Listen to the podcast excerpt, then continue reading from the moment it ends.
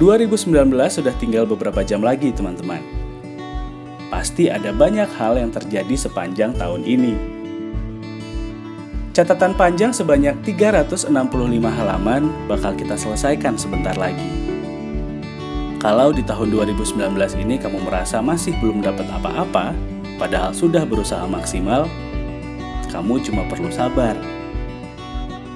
Sama kayak pohon beringin, di lima tahun pertama, walaupun sudah disiram dan dirawat setiap hari, dia cuma bisa tumbuh beberapa meter aja.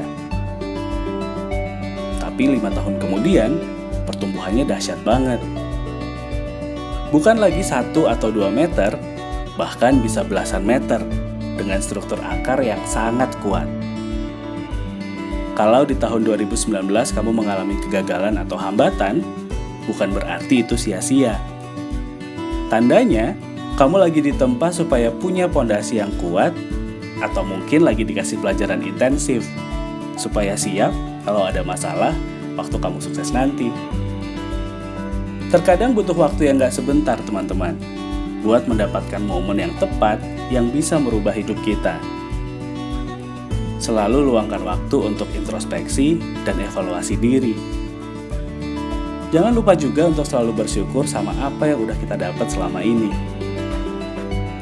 Ini adalah track terakhir makna kata podcast di tahun 2019. Terima kasih banyak buat kamu yang sudah dengerin podcast ini tanpa absen setiap minggunya. Ide, saran, dan juga masukan masih tetap saya tunggu via DM Instagram atau Twitter di @vendirahman atau bisa juga dikirim via email di vendirahman@gmail.com.